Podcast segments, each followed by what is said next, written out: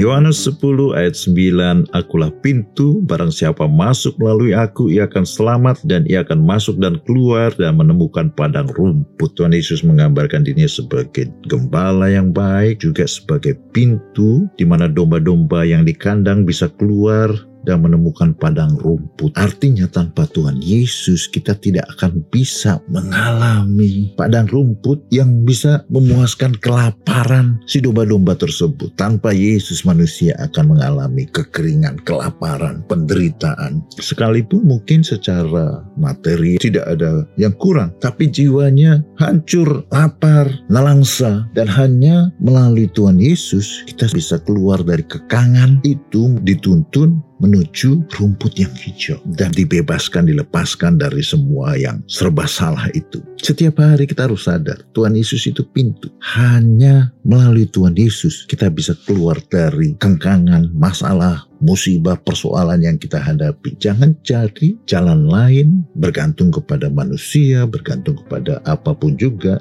karena pasti akan kecewa. Tuhan Yesus bilang, akulah pintu, kalau lewat Tuhan, ia akan selamat dan akan keluar masuk menemukan padang rumput.